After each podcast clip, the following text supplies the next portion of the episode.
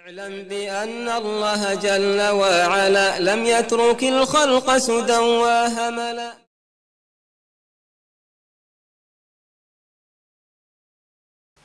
بسم الله الحمد لله الصلاة والسلام على رسول الله. استعين بالله لا حول ولا قوة إلا بالله. اللهم لا سهل إلا ما جعلته سهلا وأنت تجعل الحزن إذا شئت سهلا. اللهم أرنا الحق حقا وارزقنا اتباعه.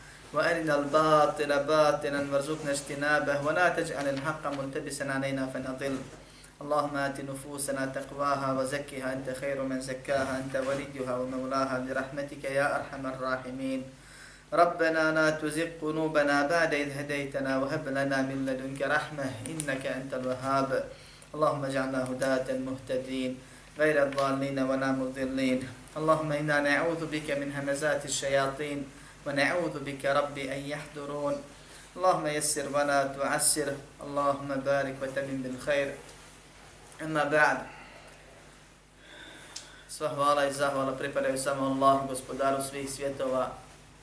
Njega hvalimo zbog svake osobine koja je savršena i potpuna bez mane. Njemu zahvalijemo na svemu što nam daje, propisuje, određuje na svakoj blagodati i na svakom iskušenju.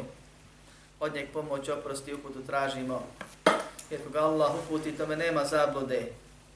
Koga Allah subhanahu wa ta'ala u zablude ostavi, nema mu ni pomagača, ni upućivača. Zato svjedočimo da nema drugog Boga sem Allaha. Jedini je i nema sudruga. Jer je samo On subhanahu savršen. I samo On je gospodar. I samo On savršeno gospodari i zbog te dvije osobine samo On subhanahu wa ta'ala alaike salam ibadet svaki zaslužuje.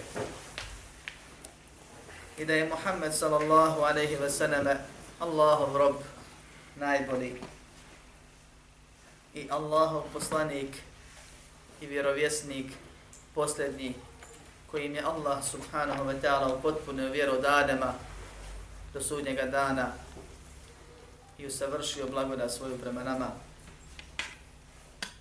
A zatim nastavljamo sa komentarom 46. i 47. poglavlja iz knjige Tevhida. Moleći Allaha subhanahu wa ta'ala da nas pomogne i da ovo što govorimo i čujemo bude dokaz za nas, a ne protiv nas. Ova dva poglavlja, kao i prethodni, nekoliko prethodni, govore o greškama u izražavanju o jezičkim grijesima po pitanju tevhida, koji imaju vezu sa tevhidom. I najčešće su vezani za Allahu subhanahu wa ta'ala, esma wa sifat, za Allahu savršenstvo, za njegove imena i njegove osobine, međutim, nekad budu vezani za robubijet, njegovo gospodarstvo i tako dalje. A znamo da nas je Allah subhanahu wa ta'ala stvorio zato da mu jednoću njegovu ispoljavamo tako što ćemo bez, ubje, bez sumnje sa ubjeđenjem vjerovati da je Allah subhanahu wa ta'ala savršen, nazvao se raznim imenima, opisao se mnogobrojnim osobinama od kojih je svaka potpuna, da Allah subhanahu wa ta'ala jedini je gospodar, to znači da on jedini iz ničega stvara, a on jedini sve što stvori posjeduje, niko drugi pravo vlast u tome nema, da on jedini svim upravlja, sve održava, da on jedini subhanahu wa ta'ala prije nego je stvorio već je sudbine odredio i da on jedini subhanahu wa ta'ala sve, da, sve će da usmrti, da ponovno proživi, sakupi i svako će da pred njim račun položi, a zatim pravedno da ono što je zaslužio dobije i vjerovanje da zbog te dvije stvari samo Allah subhanahu wa ta'ala mora jedini smije i zaslužuje da mu se bilo koje vrste ibadet upućuje, čini.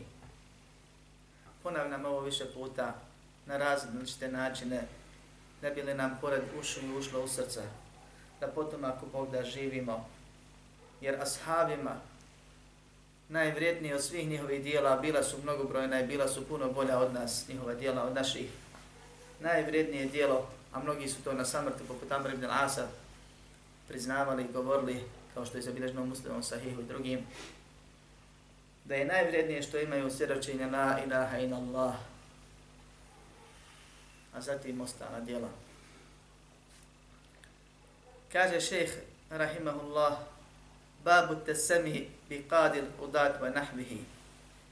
Poglavlje o nazivanju, davanju imena sebi ili drugome, kadija svih kadija i tome sličnim stvarima. I šeheh ovdje spominje kadija svih kadija jer se oko ovog termina ima razilaženje. A spominje dokaze tamo gdje nema razilaženja. Kako bi odmah u startu podučio onoga ko čita da i ovo spada u ono što će biti spomenuto. Kaže i tome sličnim imenima, poput vladar svih vladara, sudija svih sudija, gospodar svih gospodara, vlasnik sve vlasti, upravitelj svi, svim ljudima, tome slične stvari. Bilo da se radi o nazivanju na arapskom ili nekom drugom jeziku, kao što će biti ako Bog da spomenuti ovdje. Pa kaže u sahihu, to jest u vjerodostojnom hadisu, hadis je od dva sahiha kod Buhari i muslima, od Uhebu Hureyre se prenosi da je poslanik sallallahu anehi ve sallam rekao Inna ahna al ismi ahna ismin inda Allah rajulun tasamma Malik al-Amlaki, la malika illa Allah. Ovo je jedan rivajet. Ima mnoštvo rivajeta, neki su širi, neki skraći.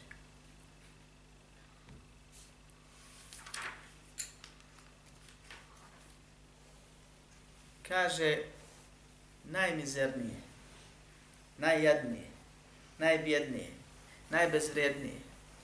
Sve ovo znači ahna. I još toga. Tome slični značenja. Ime kod Allaha je čovjek koji se nazvao vladar svih vladara i svih vlasti. Nema vladara istinskog, pravog, koji zaista vlada. Nema vlasnika, a ne samo vladara, nema vlasnika koji zaista istinski posjeduje osim Allaha subhanahu wa ta'ala. Kaže Sufjan ibn Ujajne, živio u drugom vijeku, poznati muhadis, imam, fekih i tako dalje. Tome slično, ili u taj propis spada i nazivanje šahin šah, šah šahova. A šah je perzijski izraz vladara. Pa mu neki kasniji učenjaci pregovaraju, i čude se otkuda on tumači arapski termin perzijskim terminom. Pa kažu, jel vjerodostoje od njeg nije, otkud to, ne može to tako i tome slično stvar. Dok većina učenjaka kažu, ovo je fik, ovo je razumijevanje vjere. Jer je u njegovom vijeku bilo rašireno da se baš tako zovu mnogi vladari koji imaju malo veću vlast, pa u želi da imaju još veću, ili iz oholosti ponijelo i to što su pokorili nekoliko pokrajina i nekoliko vladarčića i tome slične stvari, ili bez razloga jednostavno čovjek se umislio, pa kaže šahin šah. Što u arapskom jeziku znači isto ono što je došlo u hadisu. Melikul emlak ili melikul muluk, vladar svih vladara. Kaže, najmizernije ime kod Allaha je čovjek.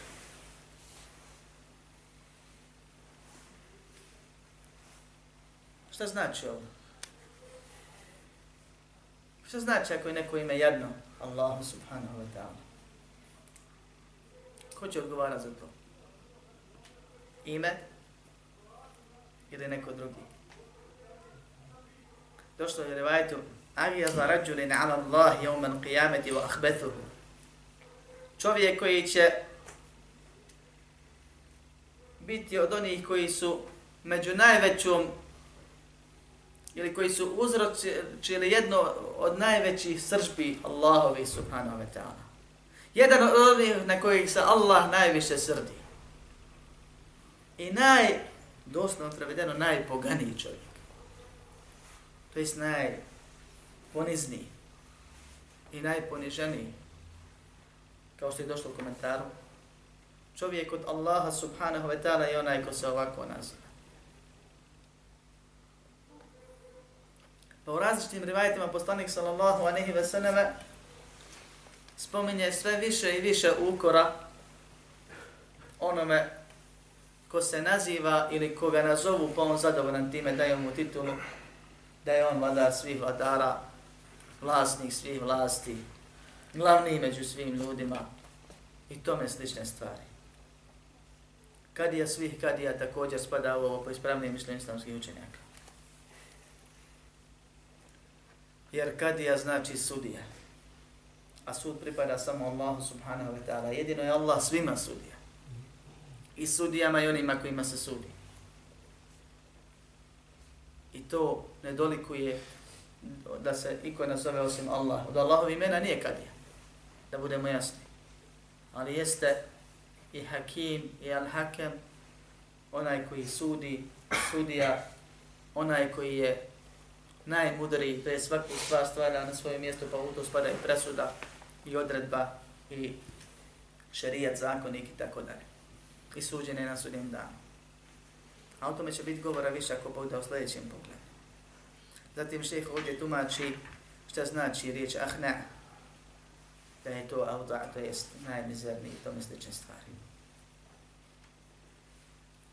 Pa iz ovog poglavlja i iz ovog hadisa učenjaci, iako se razilaze oko kadije, jer kadija je kadija i zna se šta je, pa kad bi neko bio zadužen da sudi samo kadijama, naravno po šerijatu, da li smije se nazvat kadija svih kadija ili se mora nazvat predsjednik sudskog vijeća i tome slične stvari, uglavnom da se izbjegne ovo ime prvi među kadijama i tako dalje.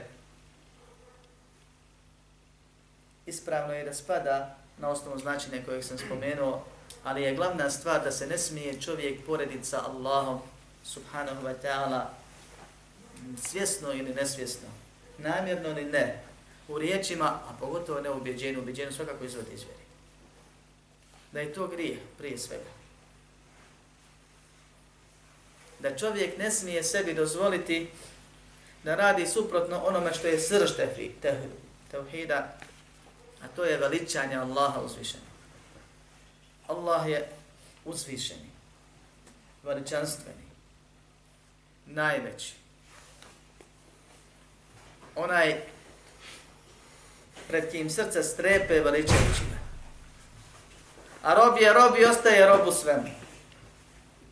Pa od naše grobovane prema Allahu subhanahu wa ta'ala je to da nam se upliče u to kako ćemo se zvati i nadimke sebi davati. Da i tu imamo pravila po kojima moramo raditi i živjeti. I tu imaju imena koja su Allahu subhanahu wa ta'ala draža i najdraža poput Abdullah i Abdurrahman kao što je došlo u vjerovostnom hadisu. Imaju imena koje Allah mrzi i prezire i mrzi onoga ko se njima naziva. Poput bilo kojeg imena koje cilja da se rob veliča. Jer se rab veliča a rob mu robuje veličajući ga. I rob ostaje rob ponizan. I najbolje čime se može okriti rob je poniznost i skromnost. I najbolje čime Allah subhanahu wa ta'ala rob može veličati, može robovati, jer ga prilikom svakog ibadeta ima osjećaj poniznosti i veličanja. Jer to je jedan ruknova ibadeta. Ali imaš osjećaj da si svjestan toga. I svaki ibadet koji je Allah subhanahu wa ta'ala iskušao robove i obavezao je građen na ljubavi, strahu, nade, poniznosti i veličanje. Pa se saginješ, pregibaš, spuštaš čelo na tlo, ne da ti jes po danu uz Ramazan, ti moraš da slušaš. Traži od teba ako imaš imetka da veliku količinu uložiš jednom u životu makar i da ga obiđeš, zijaratiš njegov dvorac na zemlji, kako bi bio primljen ako Bog da jednom kod njega u Firdausu ili u džennetu na nebu i druge stvari. gdje nas Allah subhanahu wa ta'ala obavezuje da mu robujemo. Pa se Allah mora veličati. I jedan od vidova veličanja je u riječima. I jedan od vidova veličanja u riječima je da se pripazi oko imena i nadimaka. Pa ovdje spominje nadimke. Jer Allah subhanahu wa ta'ala može da se srdi na čovjeka i da ga učini poniznim i poniženim na ahiretu zbog toga što se on veličao i što su ga drugi zbog toga možda ljudi veličali na dunjalku i digao se iz stepena roba na stepen rabba makar on ne htio time da se poredi zaista sa Allahom jer to je dijelo koje izvedi iz. Čini veliki grije koji je mali širk je se indirektno, nesvjesno poredio sa Allahom subhanahu. I zaslužuje prezir koji je spomenut u hadisu. Ovdje ćemo se zaustaviti na ovom kratkom poglavlju, da ne bismo išli dalje, jer ono sve što mogu reći ovdje, doći će na, ponovno na red u sljedećem poglavlju, pa prelazimo odmah na njega uz salahu pomoć.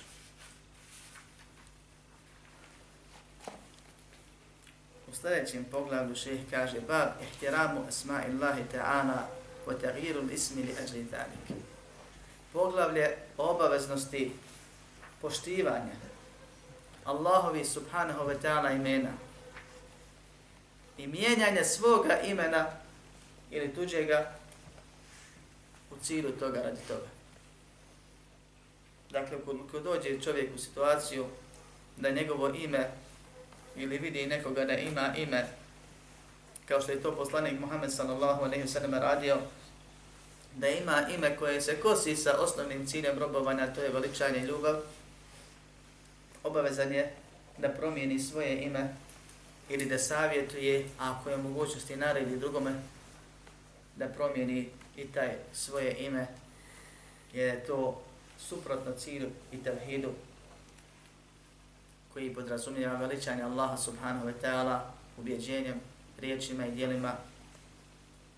Pa smo imali, smo imali grupu poglavlja o tome šta smijemo, šta ne smijemo govoriti, kako ne smijemo reći Bog i doktor, šta Allah hoće i ovaj, nego moramo razdvojiti tako dalje.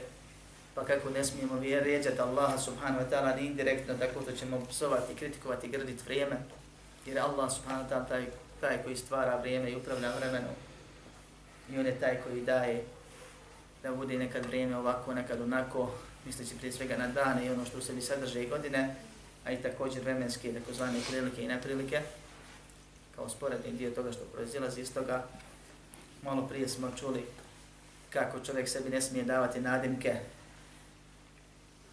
kojima se veliča i izlazi makar prividno iz stepena robovanja, iz nivoa roba, pa se nekako diže i poredi na stepen rabba. Ovdje imamo obaveznost poštivanja Allahovih imena prije svega, to je poznato i na tom su učenjaci složni, da se Allahove imena poštuju, da su Allahove imena od njegovih svetinja, kaže Allah subhanahu wa ta'ala, man yu'adzim sha'air Allah fa innaha min taqwa qulub. Ko veliča Allahove svetinje, to je znak bogobojaznosti njegovom srcu. ومن يعظم حرمات الله Allah خير huwa khairul lah. Ko veliča Allahove svete stvari koje on činio svetim, to je mu je bolje.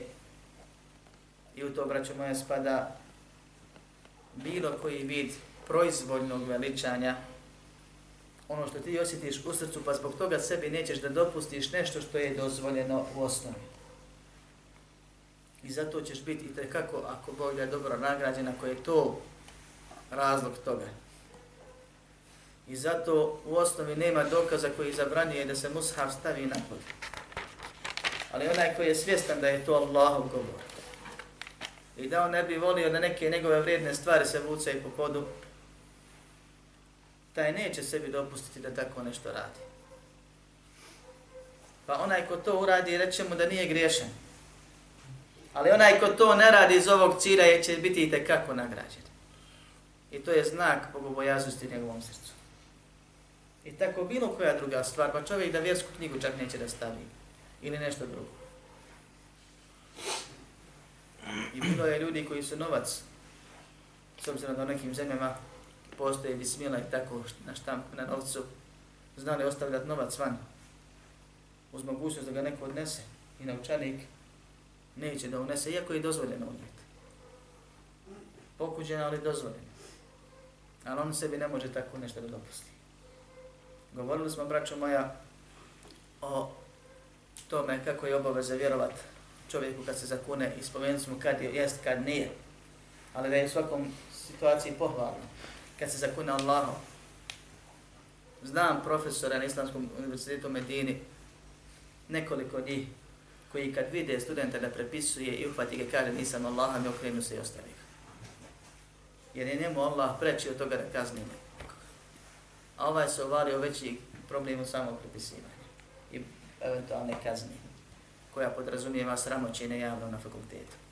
Da se okači njegovo ime i tako dalje, ali već je što se lažno zakleo Allahom, nego to da, da dobije da dobije kaznu, pa da ne na ispitu još neke kazne, između ostalo da me ne stoji na hodniku. Već je grijeh učinio. Ali ako sebi dozvolio tako nešto, i ako si mi rekao Allah mi nisam, meni Allah preči, nisi. Iako smo spomenuli da nije čovjek obavezan takvim situacijama, ko se sjeća djeca. Ali uvijek ostane ovo da srce koje je svjesno Allaha subhanahu wa ta'ala mrzi onoga ko Allaha mrzi mrzi grešnika, onoliko koliko griješi. Voli Allaha i ono što Allah voli. I važnije mu je Allah i njegovo zadovoljstvo svega drugoga. A svi ostali su upitni onoliko koliko stupa od ovoga. Zato tvoje ime koje ti je babo i majka dali i tebi drago i odrasto si na njemu ukoliko se kosi sa veličanjem Allaha subhanahu wa ta'ala, makar ne bilo samo po sebi grije, ono nije vrijedno toga da ti ga i dalje nosiš, nego ćeš ga radi Allaha subhanahu wa ta'ala promijeniti. I Allahovo zadovoljstvo tražiti. I radi Allaha se poniziti. Pa ćeš dobiti ono što poslanik sallallahu alejhi ve sellem kaže men tawada alillahi rafa'ahu Allah. Ko se radi Allaha ponizi Allah će ga uzvisiti na ovom i na onom svijetu kaže od Ebu Šurejha se prenosi da je kana yukna Ebel Hakem da je imao kunju a kunja je nadimak koji ti daju dok si mali ili koji dobiješ onda kad dobiješ dijete. A može se dati od sunata je da se to da i ukoliko čovjek nema djeci, čak i malo djeci daju roditelji. Nije to onaj nadima koji ti sebi daješ da te ljudi po njemu poznaju zbog neke osobine, nego je to nadima kojeg dobiješ. Pa imamo, znači, osobe poznate u historiji, poput Aisha radijallahu anha, koje su imali kunju, a nisu imali djeci. Imamo poznatih osoba koji su imali određene kunije, malo nama čudne, ali to nije stvar koju biraš, nego kako nazoveš najstarije dijete, ukoliko ima ženskinje samo, dobiješ po najstarijoj kćerci, ukoliko imaš muško, dobiješ po najstarijem sinu, ukoliko imaš prvo žensko, jedno, dvoje, troje, pa dobiješ muško, u početku se zoveš po najstarijoj čerci, a kasnije preuzmaš drugi nadimak i mijenja se prelazi po sinu kojeg čovjek dobije. Pa je njegova kunja bila Ebel Hakem. A Ebu Kodara pa znači otac i često se misli ovaj, i spominje nekad kad je neko poznat po nekoj osobini da se kaže tako. Ebu Kahva puno pije kahvu. Primjer govin šaljem samo ili Ebu Lopta stalno ganja okruglu krpu na puhanu ili ne znam ni ja nešto. Može se dati reći Ebu, ne u smislu da je on stvarno otac, nego da je on poznat po nečem. Pa se ovaj zvao Ebul Hakem. Doslovno rečeno otac sudije, ali misli se sudija, pravi sudija. Poznan po tome da sudi.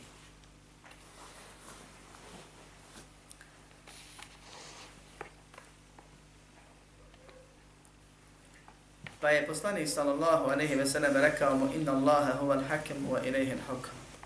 Allah je pravi sudija I njemu pripada sud. Na dunjalu koji na ahiretu. Allah je jedini koji je sveznajući i sve mudri koji ima pravo da robovima svojim odredi kako da se vladaju. I samo njegov sud je priznat. Sve ostalo je greška, grije i zabluda. Na ovom svijetu. I sa njegov, samo njegov sud će biti vrijedan, ispravan i u potpunosti proveden na ahiretu. To znači njemu se njegov je sud. A od imena njegovih je Al-Hakem. Pa kaže Inna qawmi idha ikhtalafu fi shay'in atawni fa hakamtu bainahum fa radiya kull al-fariqayn. Kaže prije ovdje nije spomenuto, ali kao da kaže nisam ja sebi dao to ime. Nego moj narod kad se raziđu negdje, običaj u mom narodu, u mom plemenu, kad se dvojica posvađaju, nešto nastane nesporazum, ne znaju čije i šta, uđu u meni. Pa kad god im ja presudim, oni svi zadovoljni. Kad? Prije islama. I dali mu ime Ebul Hakem sudija. Ali El Hakem. Baš kao što je od Allahovi subhanahu wa ta'ala imena. Pa kaže poslanik sallallahu alaihi wa sallam, ma ahsene hada. To je prelijepa stvar. Koji je? Ovo prvo sudija. Molim? To što je sudio, a ne to kako se zove. Jer neki iz ovoga raz, e, razumiju da je poslanik se samo odobrio. Fama neke min, min alvaled, koliko imaš djeci, šta imaš od djece? Kaže, imam Šurejha i Muslima i Abdullaha. Kaže, fe mene kberukom, koji je najveći, koji je najstariji? Kaže, Šurejh. Kaže, poslanik sallallahu alaihi wa sallam, ente Ebu Šurejh, Ti si Ebu Šurejh. I mijenjamo ime. Nadimak tačnije.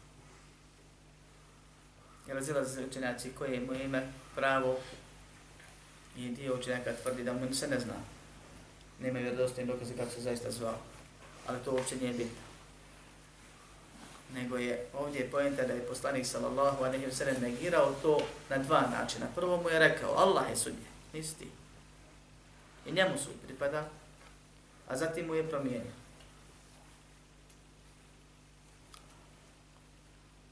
Zatim mu je promijenio, rekavši, ti si Ebu Šurej.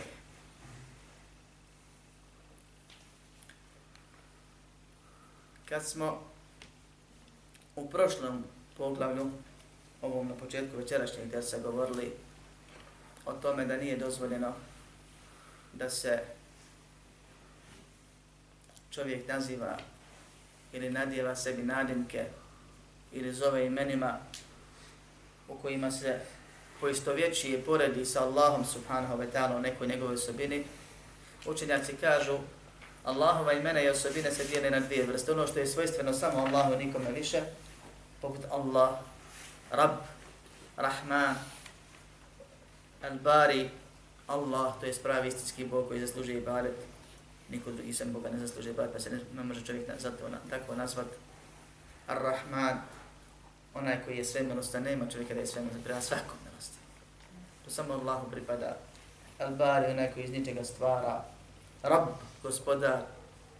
To nije dozvoljeno dati nikako. Osim da se time doda rob. Abdurrahman, to je nešto drugo. To nije dozvoljeno ni sa L ili R, ni bez. Jer je to osobina, u njemu je sadržana osobina koja je svojstvena samo Allahu subhanahu wa ta'ala. Dok ostala imena u kojima ljudi imaju učešće u dijelu tih osobina onako kako njima pritolikuje, kao darežljivi, plemeniti, moćni, jaki, ili nešto tome slično, veliki. Čovjek može biti velik, može biti jak, može biti imati neku moć, može biti darežljiv. Može i smije se tako nazvat, ali da ne kaže El Kerim, nego Kerim. A bolje mu je da se nazove Abdul Kerim. Kerim znači darežljiv ili plemeniti, na primjer. I tako u svako drugo ime. Može se porediti jer time govori da može mu roditelj da tako ime ili on se promijeniti ima koliko mijenja ime iz lošeg u bolje da sebi odabere ime slično Allahovom imenu, ali je velika razgleda. Ovo El je, kao što Arpi kažu, lil istigrak, to jest ima sve obuhvatan cilj. Obuhvata. Pa se kad se kaže El Basir, on sve vidi. Ne kaže se onaj koji vidi, onaj koji sve vidi. Es Semi, onaj koji sve čuje. A ja i ti smo Basir, Semi, onoliko koliko vidimo i koliko čujemo. Ali nismo El. Nas obuhvata beskrajnosti osobine, kao što se tumači Allahovim subhanahu wa ta'ala osobinama. Pa je dozvoljeno. Ovdje ćemo nastaviti dalje i spomenut ćemo ostale stvari kad je dozvoljeno i kad zabranjeno spomenuti imena. Na osnovu ovog hadisa mnogi učenjaci tvrde da nije dozvoljeno čovjeku da da ime Al-Hakim. Ili Al-Hakim. E, Hakim Ili tome slično. Ovo što sam ja rekao malo prije da je dozvoljeno. Pa Pogotovo kad je pitanje El Hakem jer je ono negirano u hadisu samo. S druge strane imamo Hakim ibn Hizam, poznati ashab, prenoslac mnogih hadisa, živio s poslanikom sa Vasanem, nije mu promijenio ime. Imamo ashaba jednog ili više koji su zvali El Hakem, baš ovako. Umro je poslanik sa Vasanem, nije im promijenio ime. Pa se postavlja pitanje, je li zaista to zabranjeno u svakom smislu? Ili se ovdje cilja nešto drugo? Ispravno je ovo je drugo. Ukoliko čovjek sebi da nadimak, promijeni ime, zato što on već ima tu neku osobinu, pa cilja tu osobinu, a Allah subhanahu wa ta'ala ima tu osobinu onako kao njemu dolikuje, onda u tom slučaju nije mu dozvoljeno da sebi nadije tako ime, ili ukoliko već se nazvao tako, mora to ime da promijeni. Dok ako je onako to ime, ciljano, jer roditelji imaju pravo djetetu da daju ime koje sadrži lijepu osobinu s nadom, optimizmom da će to dijete vremenom pokupiti nešto od tog imena ili ugledat se na ono što znači njegovo ime i odgaja se u skladu s, tom, s tim pa će vremenom pokupiti. I izgraditi kod sebe uz Allahovu dozvolu naravno tu osobinu dozvoljen da mu se da tako neko ime lijepo pod uslovom da to nije ime u kojem se vidi jasno hvaljenje, jer takva imena nisu dozvoljena i poslani sallallahu aleyhi wa sallam promijenio imena mnogim ashabikama, između ostalog ili vjernim svojim ženama koje se zvole Berre ili Dobra. U smislu dobra vjernica, pokorna i tako da. Zato što je to hvaljenje. Šta znaš, jesi dobar ili nisi dobar?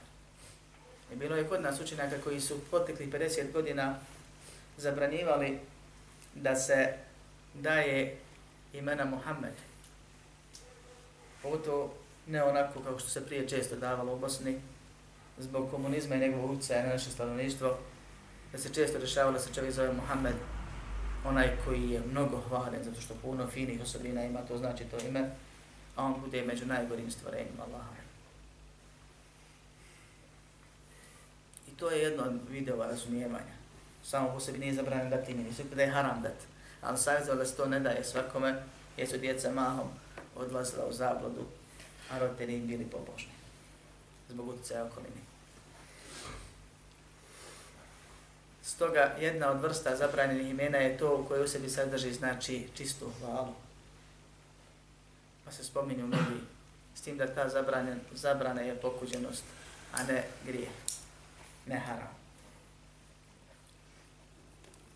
Zatim da se nazove neko ime ili neka od osobina koja ima prisutna je kod ljudi i također spada u neko od Allahovih imena, tim da je kod Allaha sve obuhvatna kod ljudi ograničeno onoliko kod njima veliko je, s ciljem te osobine da čovjek zaista ima to. Ne s ciljem da će se ugledati na to vremenu i pokupiti tu osobinu, nego da čovjek poznat po nečemu kao što je ovaj bio poznat po tome da je činio određenu vrstu presude, a reći ćemo i kakva je to vrsta bila kasnije, pa se je zbog toga nazvan tim imenom, to je haram. Jer to je bukvalno poistovićivanje sa Allahom subhanahu wa ta'ala. Hoće se reći on uvijek kad presudi, pravo presudi. Ako sudi po Allahovom zakonu, onda je mu je dozvoljeno reći hakim ili hakem sudija, a se zna koji sudija ili kadija, što je ispravnije i bolje ali da dobije to naziv lično takav to nije dozvoljeno zbog ovog hadisa. Dok u situaciji koju sam spomenuo, a to je ako se ne cilja to, daje se ime zato što lijepo zvuči, ima lijepu osobinu, ili pak s razlogom, s nijetom da optimizma da će djete zaista da pokupi nešto od toga vremenom, onda ne smeta da se tako nazove. Također svako ime koje u sebi sadrži ružnu osobinu zabranjeno je nazvati. Svako ime koje u sebi sadrži nešto od nevjestva zabranjeno je nazvati.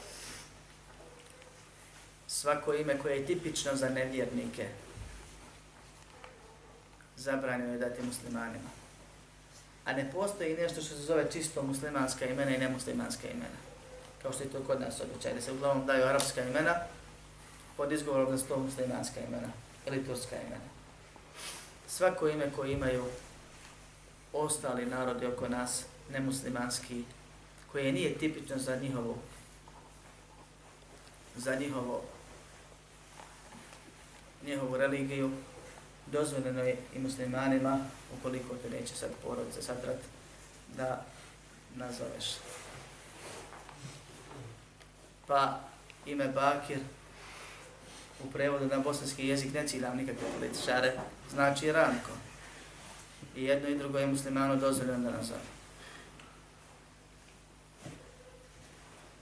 Ali krsto muslimano nije dozvoljeno da daje, na primjer. I to ne da se razumije. Tako isto sa ženskim imenima. Ono što je najbitnije iz ovog poglavlja i zbog čega ga je šeh stavio knjigu o akidi, a ne u fikhu o propisima novorođenčetima, nikako dati lijepo ime i tako dalje, je ono što sam već spomenuo, a to je da musliman mora da Allaha veliča uvjeđenjem, riječima i dijelima, da mora da pripazi na imena i nadimke, da nije dozvoljeno musliman da se poredi sa Allahom u imenu, makar ne cilja u poređenje, osim ako je ono što je tipično za ljude svakako, pa kao što sam već spomenuo, da je tevhid u srcu, tevhid u dijelima i tevhid na jeziku. I da musliman sebi ne dopušta da se oholi ni na koji način. Jer oholost Allah mrzi i preziri. I musliman sebi ne dopušta da se veliča. Jer Allah subhanahu wa ta'ala u hadisu kuciju koji se bilinu muslimom sahihu kaže Al-azametu ridai wal-kibriya'u izari Femen naza'ani fihima azabtu Kaže veličina, veličanstvenost, veličanje je moj izar, izar je donji dio odjeće koji hađi oblači. Što kaže, to je toliko bitna osobina kao što je čovjeku bitno ono nego što se ogrni, ustade je samo. A oholost, veličanje, veličanstvenost, uzdizanje je moj rida, onaj gornji što hađe obuče ko mi se bude sa mnom natjecao u, ta, u te dvije osobine, kaznit ću ga. Allah subhanahu wa ta'ala prijeti. A oholost je, braćo moja, smatranje sebe boljim od drugog, koji se manifestuje odbacivanjem istine i omalovažavanjem ljudi. I često to bude u jednom te istom činu. Ti ćeš mi reći, pa si ga ponizio i odbio si ono što ti je rekao, čime te upozori. Ali ne mora biti u jednoj rečenici. Pokaže se onda kad se čovjek savjetuje pa odustane i odbije i neće i glavu okreće i s prezirom te gleda i misli da je on bolji zato što je rođen tu i tu ili što je od tih i tih ili što je na toj i toj funkciji ili ne znam nija čime drugim od dunjaluka. Allah subhanahu wa ta'ala je rekao inna akramakum inda Allahi itqakum. Najbolji kod Allaha su najbogobojazni. A bogobojaznost jednako ima. Iman je u srcu iman je u riječima, iman je u dijelima. Musliman ne može, ne može znati da je bolje većeg imana od bilo koga drugog. Muslimana. Jer ne znaš ti kolika je njegova nada, koliki je njegov strah, kolika je njegova ljubav, koliki je njegov telekul i drugi srčani ibadeti. Ne znaš ti koliko on zikri tokom dana i noći. Ne znaš ti koliko on ibadeti. Ono ako si vidio da si ti u nekom haramu sačuvan, a on je u taj haram upao, to jest iskušan je njime, nije jedino mjerilo mog i tvog imana, nego cijelokupni život čovjeka i ono što uradi od objeđenja, riječi i dijela, kad su pitanju dobra dijela, i što ne radi od grijeha vezanih za objeđenje, riječi i dijela. Ono što sigurno možemo tvrditi svaki od nas, braćo moja, je to da ja znam svoje grijehe i svoj ibadet. Vidim dio tvog ibadeta i možda sam vidio dio tvojih grijeha. Ne znam koliko imaš ibadeta iza i ne smijem tvrditi jer ne znam da li imaš ikakav grijeh drugi. Jer nama je naređeno da sudimo po vanštini. Ako uporedim svoje mnogobrojne grehe koje ja najbolje znam, sa jednim 5, 10, 50 greha koje kod tebe znam, to je vrlo malo. Ja sam veći grešnik. O muslimanima mislimo najbolje i lijepo. Tako da ja mislim da ti više i nego što ja vidim, jer ne živim s tobom i dan i noć. A i da živim s tobom u srcu ti ne mogu zavjeriti nikad. Pa mislim da ima više od onoga što mi se pokaže. A znam koliko malo je ono što je pri meni. Stoga se musliman ne oholi Pogotovo kad zna da u džennet neće ući, kad svi budu ušli, dok se ne isprži, dok ta oholost koju samo vatra džehennemska može da istopi. Neće ući onaj ko bude imao trun oholosti u svom srcu. Molim Allaha subhanahu wa ta'ala da nas učini robovima istinskim, iskrenim i ispravnim na njegovom putu, njegovom dozvolom ustrajanjem. Molim Allah subhanahu wa ta'ala nas usmrti onda kad je on s nama zadovoljan. Da nam oprosti na sudnjem danu, uvede nas u džennet, sačuva u džehennema i džehennemske kazne. Amin. Alhamdulillah. اعلم بأن الله جل وعلا لم يترك الخلق سدى وهملا